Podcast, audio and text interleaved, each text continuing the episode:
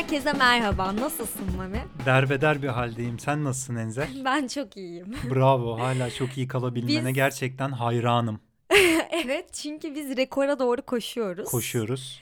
Geçen hafta başımıza geldi yetmiyormuş gibi bu hafta da aynı şey geldi. Bu sefer ama daha çok uzun. uzun. Neredeyse bölümü bitirdik ve yine bilgisayar kaynaklı bir sorundan kayıt alamadığımızı fark ettik. Şimdi tekrardan sanki bunları hiç konuşmamışız gibi sıfırdan konuşacağız. Evet. Bu O sefer zaman Yeşim'i de bilgisayarın başına koyduk ki herhangi bir sıkıntı yaşamayalım. Şu an aslında 3 kişiyiz. Evet şu an bomba gibiyiz ve hazırız. Hazırız. O zaman Bugün sepetimiz de dop dolu. Bir girişte nelerden bahsedeceğimizi tekrar ben söyleyeyim. evet hatta çok dolu boşaltmaya çalıştık ve boşaltamadık gibi Evet. bir şey oldu. O yüzden hızlı hızlı tempolu bir şekilde aktarıcıyız efendim. Şöyle bir bahsedeyim mi ben? Bahset. Bu cuma Netflix'e White Tiger diye bir film gelecek. Eleştirmenlerden de hemen hemen hepsinden iyi not almış bir film. Merakla bekliyoruz. Cuma günü büyük bir ihtimal açar izleriz. Onun dışında da Perşembe günü Call Me My Agent'ın dördüncü sezonu geliyor. Onu da merakla bekliyordum. Ama bu İlaç gibi. Fransız yapımı olan değil mi? Evet Netflix'e geliyor. İlaç gibi bir şey olacak o benim için. Onun için de Sen mutluyum. severek takip ediyorsun o Evet diziyi. çok seviyorum. Evet bayağı tutkunları vardı zaten. Aynen ve sonra zaten uyarlamasını da yaptılar. Deyip benim bahsetmek istediklerim bu kadar ya. Güncel haberlerden Aynen. ilgini çeken bunlar var diyorsun. Aynen bir de Blue TV'ye azıcık sinirlendik ama şu an ondan da bahsetmek istemedim tekrardan. Bahsetmeyelim boş ver. Bu bölümde D.W. Griffith'in sinemaya yön veren en önemli yönetmenlerden biri. 1915 yapımı ırkçı filmi Birth of a Nation'dan bahsedeceğiz ve onun aslında ırkçılık teması gibi bir bölüm olacak bu. Amerika'da yarattığı etkiden söz edeceğiz tarih köşemizde. Sonra Amazon Prime'da yayınlanan One Night in Miami ile Hindistan filmi Yalikattu'dan bahsedeceğiz ve de Netflix filmi Ma Rainey's Black Bottom'dan söz edeceğiz. O zaman zilimize basıyorum. Bas bakalım. Ana filmlere konulara girmeden önce şu an dünyayı kasıp kavuran Lupin adlı Netflix dizisinden biraz konuşalım mı? Konuşalım. Nasıl buldun diziyi? Ben açıkçası diziyi tam böyle izle ve unut gözüyle bakarak izledim. Ben unutamıyorum ama. Saçma Omar ama daha yeniyiz. aklımdan çıkmıyor. Daha bitirmedim bile tabii ki unutamazsın. Aklımdan sürekli Saçmalama eve dönünce istersen. şu diğer bölümleri de izleyeyim falan diye.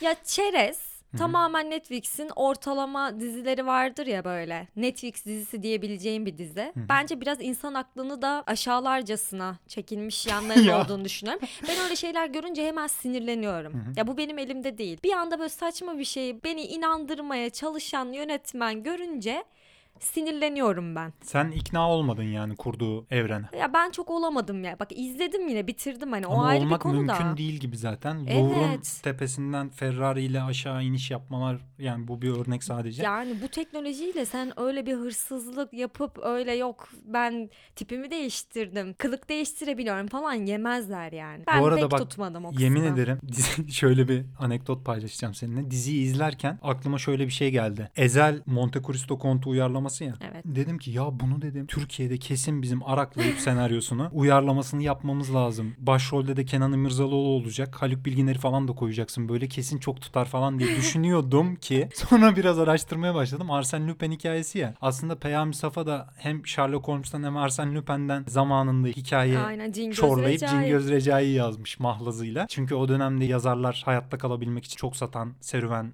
romanları falan da yazmak zorundalar. Ve bu Cingöz Recai'nin zaten Yeşilçam'da da uyarlamaları yapılmış Ayhan Işıklı falan. Bir de Onur Ünlü yaptı bunu 2017'de o iğrenç filmiyle. Zaten Kenan İmirzalıoğlu var başrolde.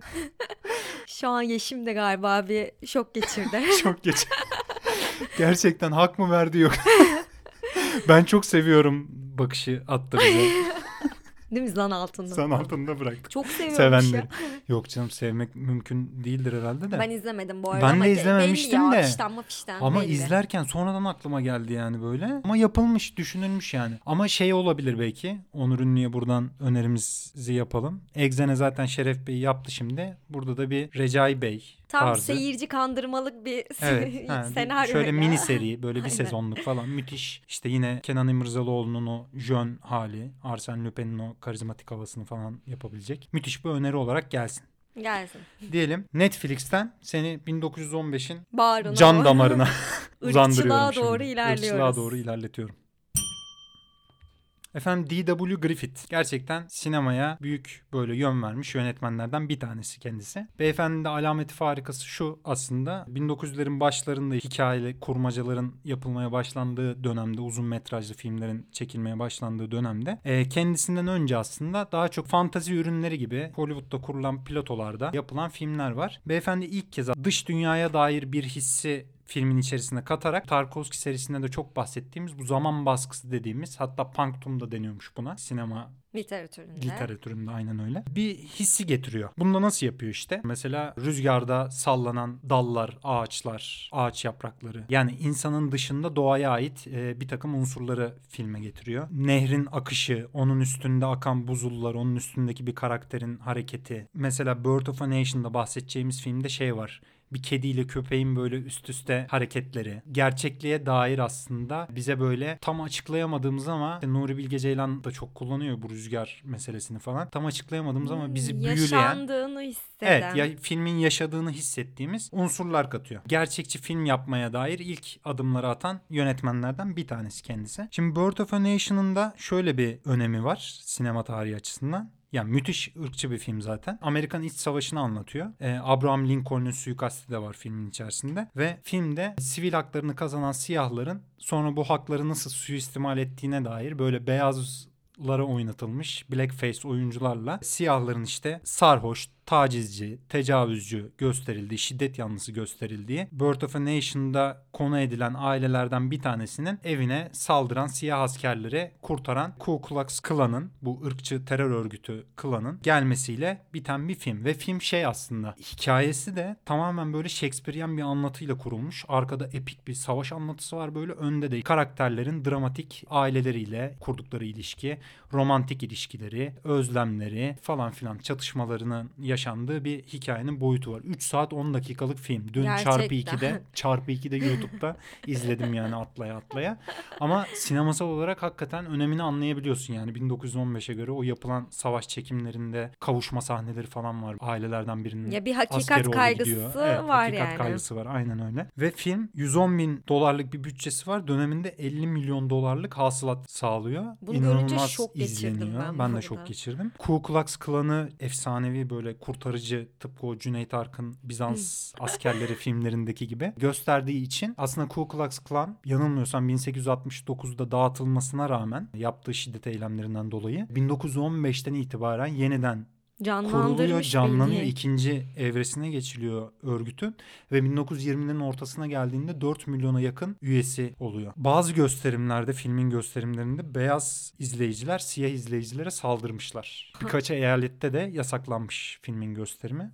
Ama sonuç olarak aslında film Marines Black Bottom'la One Night in Miami'den de bahsedeceğiz. Ee, siyah mücadelelerini anlatan filmler bunlar. Amerika'nın ırkçılık tarihine dair gerçekten epik bir anlatı sunuyor. Tabii ki bugünden bakınca D.W. Griffith'i ya da bu film cancellanabilir ama şu an Amerika'nın ulusal film arşivinde de işte alınmış bir film yani bu. Sinema tarihçileri de zaten bu bağlamda ele al- alıyorlar filmi. Böyle bir önemi Bu arada var. Griffith'in sinemasına dair gerekli gereksiz bir bilgi vermek istiyorum. Ver bakalım ne zamandır vermiyorduk. ne zamandır gereksiz bilgiye hasret bıraktık Evet. insanları.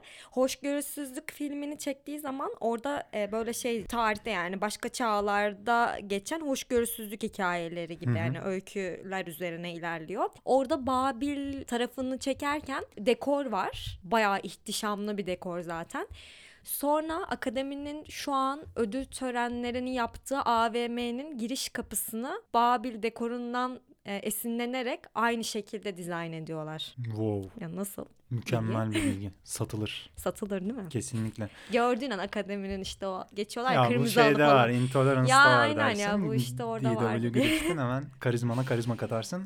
Bu arada Intolerance'ı da bu Birth of a Nation'a gelen tepkilerden dolayı da çektiği söylentiler arasında yer alır. Diyelim ve 1915'ten 1927'ye zıplayalım mı? Zıplayalım. Evet. Netflix filmi Ma Rainey's Black Bottom. Yönetmeni George Wolfe. Kimde kimler yer alıyordan önce konusundan bahsedeyim. Ma Rainey blues'un annesi olarak bilinen ilk profesyonel müzisyenlerden biri aslında. Galiba siyahlar arasında ilk. Hı hı. Kayda e, alınan Aynen ilk kayda alınan en önemli kişi zaten blues'un annesi diye geçiyor. Aynen öyle.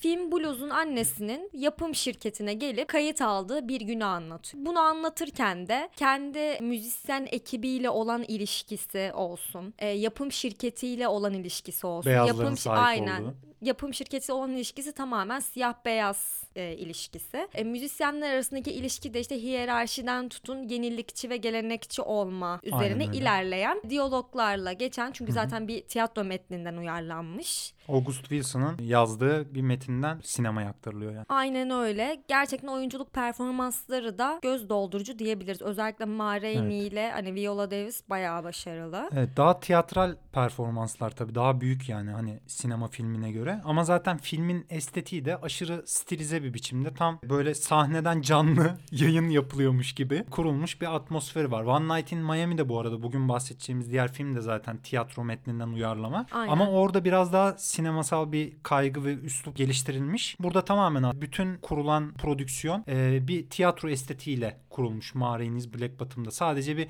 konser sekanslarını dışarıda bırakırsak orada daha etkileyici böyle sinemanın büyüsünü yansıtan sahneler var. Filmin bana göre sıkıntısı çok tekrara düşmesi. Kendi içinde sürekli aynı derdi başka karakterler üzerinden tekrar dile getirilmesi e, zaten yani gördüğümüz bir şey yani bildiğimiz bir şey. O anlamda bana yaşayan bir filmmiş gibi gelmedi açıkçası. Çok gösteren bir filmmiş gibi geldi. Filmde zaten senin de ilgini çeken hangi kısım daha böyle vurucu geldi bilmiyorum ama herhalde şey sahnesi en unutulmayacak sahnelerden biri. Bu Marie'nin hani çok kaprisli davranıyor o beyaz yapım şirketine. Yapmadığı etmediği kapris kalmıyor. Bir açıklama yapma ihtiyacı hissetmiş herhalde yazan kişi de. Bir açıklama yaptırtıyor ona ve şey dedirtiyor. Yani onlar beni istemiyor ki benim sesimi istiyorlar aslında diye. Orada da işte blues'un e, nasıl e, Beyazlar tarafından ele geçirildiği ve nasıl kullanıldığını anlatıyor aslında. Aynen yani aslında siyahların yine bir şekilde sisteme nasıl diyelim yine eriyip yine meydanın beyazlara kalacağı Evet. bir sistem Müziğin yaratıyor. asimile oluşu gibi bir şey. Aynen evet en doğru tabirle bu herhalde. Ve oyuncular muhtemelen Oscar'da da oyunculuk kategorilerinde adaylık alacaklar. Hatta Chadwick Boseman Levi rolüyle muhtemelen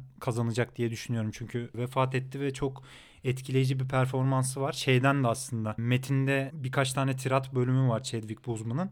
Burada işte ölümle ve tanrıyla birçok ilişki üzerinden tiratlarını atıyor ve hakikaten o sahnelerde öldüğünü bilerek izlemek çok etkileyici yapıyor o tiratları. Aynen ve gerçekten bence iyi bir performans sergilemiş. Evet, evet. Hem dediğin gibi iyi bir performans var elimizde hem kendisi hani vefat etti ve siyah bir oyuncu. Hani tam akademinin gerçekten ödül vermek için Ama bence can bunun, atacağı bir noktada. bunun dışında da verilebilir yani sonuçta Aynen bence de. için. Performansı da bence tam verilebilecek bir performans ve Viola filmdeki Davis de iyi oynuyor baya bence de bayağı iyi oynuyor ve bu rol için bayağı hani 15 kilo falan almış. Hatta daha fazla kilolu olması gerekiyormuş ki yani Mari'nin de bakmışsındır fotoğraflarına bayağı kilolu bir kadın, toplu böyle heybetli bir kadın. Bu da çok tartışılıyor. Aynen vücut dolgusuyla hani daha da çünkü alamamış daha fazla kilo. Maksimum 15 kilo alabilmiş. Bu da tartışılmış. Hani başka oyuncu da oynayabilirdi o zaman. Niye böyle bir şey yaptınız diye ama tertemiz oynamış bence. O da gayet Evet. iyi. Yani filmde bir de şey hani bence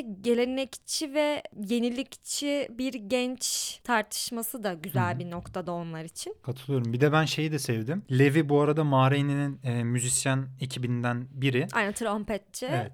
Ve- Chadwick Boseman'ın oynadığı karakter ve şeye de bakıyor film. Sadece siyah beyaz karşıtlığına değil aynı zamanda bir sınıfsal Mahreyni çünkü patron ve en çok kazananı o ekibin. Ve sınıfsal olarak da o müzisyenlerle kendi arasındaki çatışmaya da bakıyor ve şiddeti aslında öfke yani aşağıdan yukarıya yöneltilmediği zaman nelere dönüşebileceğine dair bir anlatısı da var filmin. Bu açıdan da benim hoşuma gitti yani. Aynen Levi ile sürekli bir çatışması var. Çünkü o yenilikçi ve hani önüne geçmesini de istemiyor Mare'ni öyle. Asla. Hatta şey diyor böyle sen doğaçlama böyle fazladan notalar falan bastın. Neydi o öyle falan diye bir çıkışı var. Ona da izin vermiyor. Yani parlayan tek yıldız o olacak sahnede. Aynen öyle. Diyelim o zaman Amazon'un Prime Video'nun One Night in Miami'sine geçelim. Geçelim. Zaten çok benzer filmler kuruluşu bakımından. İkisi Aynen, de tiyatro kaygısı. metninden uyarlama ve çoğu filmlerin tek mekanda geçiyor. Ama dediğimiz gibi One Night in Miami'nin biraz daha sinemasal anlamda estetik kaygıları var. Özellikle bu Tolga Karaçelik vari bir hazırlanış e, sekansı var filmin girişte. Dört ayrı karakteri, dört önemli siyah e, cemaatinden figürü Sam Cooke, Malcolm X, Cassius Clay ve Jim Brown'u bir araya getiriyor. bir araya film. getiriyor ve onların onlara- hayatlarını bir girişte gösteriyor böyle farklı dört sekansta. Ondan sonra otel odasında hayali bir akşam yaşatıyor. Aynen. Bu da Ger- tam şeye denk geliyor zaten. Cassius Clay'in daha Muhammed Ali ismini almadan önce, Müslüman olmadan önce şampiyon olduğu 22 yaşındayken dünya şampiyonu olduğu boksta akşamın ertesinde Malcolm X bir parti yapmak, kutlamak için bu dört karakteri çağırıyor. Daha büyük bir parti olacağı vaadiyle. Ama halbuki ortada bir parti yok. Sadece Malcolm X orada kendi Müslüman ve siyah cemaatlerine karşı sorumlulukları ile ilgili bu dört karaktere bir tartışma alanı açıyor ve birbirleriyle özellikle müzisyen Sam Cooke'la gerilimli tartışmalar üzerinden ilerleyen diyaloglara yaslanmış, çatışması tamamıyla diyaloglara sokulmuş bir anlatısı var. Ve bence filmin en güzel yanı da bu. Ya ben Sam Cooke'la olan bölümü aşırı beğendim. Evet.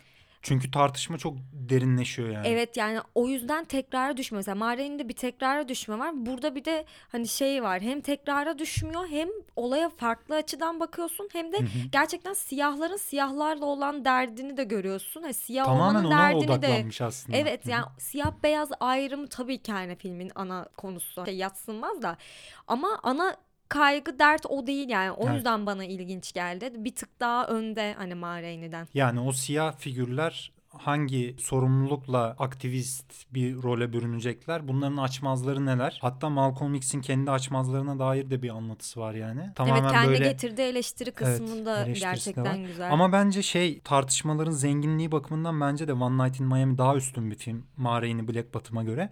Ama ben One Night in Miami'de herhangi bir aksiyon ya da dramatik akışın kuruluşu bakımından bir şey olmadığı için tamamen diyalogların içine gömülü bir çatışma olduğu için bu dört figür üzerinden e, Ma Rainey'nin en azından bir eylemsel olarak hani o stüdyonun alınacak kayıt üzerinden orada yaşanan bir takım eylemleri de bu senaryonun içerisine dahil etmesi bakımından daha zengin bir metin olduğunu Ve düşünüyorum eylemsel olarak. olarak da daha göz doldurucu bence Evet. Mare'ine.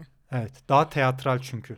Aynen ama seninle daha önce de ya izlediğimiz Steve McQueen'in hani Small X'iyle karşılaştırınca Hı hı. hani oradaki yaşadığın deneyimle filmi izlerken Tabii. bunlar arasında ya Dağlar bayağı kadar fark var. evet orada yaşayan bir şey vardı ya kesinlikle sinema kurulan. filmi olarak çok daha üstün Steve McQueen'in filmleri. Aynen daha böyle hani kendi iç dertleri üzerinden ilerlerken burada daha böyle göstermeci Evet evet. bir gösteriş peşinde olma kısmı var yani o siyah derdini nasıl altını çizebiliriz, fosforlayabiliriz derdi var. Orada gerçekten yani Steve McQueen gerçekten anlatmış. Anlatmış. Hani o yüzden Her filmine kendine bir evren kurmuş yani. aynen çok daha Ve onlar değerli da dönem bence. filmleri aslında. Biz Mangrove'la Lovers Rock Rock'ı izledik. Aynen. 5 bölümlük bir antoloji televizyon filmleri serisinden oluşuyor. Türkiye'ye yine Amazon yapımıydı galiba o değil mi? Evet. Türkiye'ye henüz gelmedi. Geldiği zaman belki onunla ilgili de bir bölüm yaparız yani. Aynen yapılabilir. Henüz gelmedi diye biliyorum. Diyelim ve o halde son filmimiz olan Yalikattu'ya geçelim. Aynen manyak işi Yalikatto için birkaç kere daha bastım. Yalikattu. Budur yani. Budur Filme Yalikatto. çünkü girmek istiyorsan şanla yakışır giriş böyle yapalım. Aynen öyle. Gerçekten deli işi bir Evet. yapım. Hindistan'ın Oscar adayı. Evet. Umarım uluslararası film kategorisinde de aday gösterilir. Çünkü sinemanın nelere kadir olabileceğini gösteren yani müthiş bin kişilik bir yapım ya. Ar- yani oyuncu kadrosu arkasındaki ekip falan bin kişi yani. Konusu da şöyle. Bir kasap bir boğa kesecekken boğa kaçıyor. Boğa da maşallah delinin teki bütün köylüyü peşine takıyor. Buradan Ve film da- bunun üzerine. Evet köylü boğayı yakalamaya çalışırken sürekli bir şiddetin maskülen şiddetin artışına yoğunlaşmasına ve onun sonuçlarına köklerine dair bir anlatı sunuyor bir metafor üzerinden. Yalikattu da aynı zamanda salikattu demek. Etimolojik olarak sali ile kattu bir ödül kesesi gibi bir şey demekmiş. Bu da şuraya tekabül ediyor. Bu Yalikattu aslında bir oyun. Geleneksel, antik bir oyun. Milattan önce 400'lere dayanıyor. Tamil Nadu bölgesinde oynanıyormuş bu oyun. Oyun da şöyle, şu anda hala oynanıyormuş zaten. Bir stadyumun içerisine bir boğa bırakılıyor. Hörgücü var bu boğaların ama. Bir sürü insan bu hörgücü stadyumun içerisinde Yakalamaya çalışıyorlar ve bir sürü insan ölüyor. Yakalamaya çalışırken boğalar da ölüyor. Hörgüçe tutunup bir süre boyunca gezmesi gerekiyor Yani insanların kazanması erkeklerin için. gövde gösterisi Aynen yapması öyle. için kurulmuş bir Hatta oyun diyebilir hayvan miyiz? hakları komiteleri tarafından yasaklanmış 2017'de ve sonra halk isyan etmiş. Bu oyun bizim için çok önemli. Bu Game of Thrones'da da vardı ya. Bu bizim. bu mevzu. Aynen bir atasporumuz bu bizim gibi. Ve yeniden işte kurallarını değiştirip bu şiddet... Bir dakika e, Game of Thrones'taki neydi ya hatırlayamadım ya. Kalisi işte bu antik kentlerden birini ele geçirdikten sonra orada köle savaşları yapılıyordu ya. hatırladım Köle şimdi. dövüştürülüyordu. O dövüşlerin yasak Yeşim yasaklıyordu. onayladı. Evet Yeşim bu arada Game of Thrones delisi. O yüzden Yeşim'e şöyle baktık. Aynen. Evet evet öyleydi dedi yani. Onayı aldığımıza göre devam edebiliriz. Kalisi işte kölelerin e, özgürleştirilmesi için orada bunları yasaklıyordu Hatırladım oyunları. şimdi. Sonra ya bu bizim kökenimiz insanlar bunu izlemek istiyorlar, bunu oynamak istiyorlar diye tekrardan oynatılması için izin veriyordu falan. Bu arada Game of Thrones demişken film anlatısıyla ve ya bazı sahneleriyle özellikle ikinci sekansındaki final sahnesiyle şeye çok benziyor. Bu Evet. Battle of Bastards bölümü var ya Game of Thrones'un. Jon Snow. Jon Snow'un o debelendiği bir sahne vardı böyle insanların kaldı. arasında. Hakikaten anlatısı da çok benziyor. Bir de şeye de çok benzettim ben. Scorsese'nin Raging Bull'u var ya. Aynen. Ona da yani o maskülen şiddeti anlatması bakımından. Ama şöyle kurgusu ve ses tasarımı gerçekten deli işi yani onu ya nasıl bu kadar güzel bir şekilde eşleştirip bu kadar hızlı bir tempo ve ritim kazandırmışlar Yani film filme te- teknik yani. olarak gerçekten kat kat kat kat başlıyor zaten. Evet. Böyle diyorsun ki "Ama ben bir şey izleyeceğim Evet. şu an belli yani. Geliyor o katlar yani falan böyle o tempoyu gerçekten sağlamış. Seni böyle tutuyor. Sonra o boğanın salınmasıyla beraber bir ses yükselişi, bir kakafoniyle böyle Allah yani. rabarbalar cümbüş. rabarbalar. Ve şey yani film teknik olarak bence çok başarılı ama teknik olarak başarısının öncesinde benim en çok ilgimi çeken şey ya ben hayatımda bu kadar güzel bir figüran kullanımı görmedim. Bu kadar fazla figüranı bir İnanılmaz arada ya, bu kadar inanılmaz. başarılı kullanım. Türkiye'de çekilen filmleri, dizileri düşünüyorum. O hani figüran kullanımı ne kadar böyle yapay, suni kalır ya böyle hiç inanmazsın. O kalabalığa da inanmazsın, figürana da inanmazsın falan.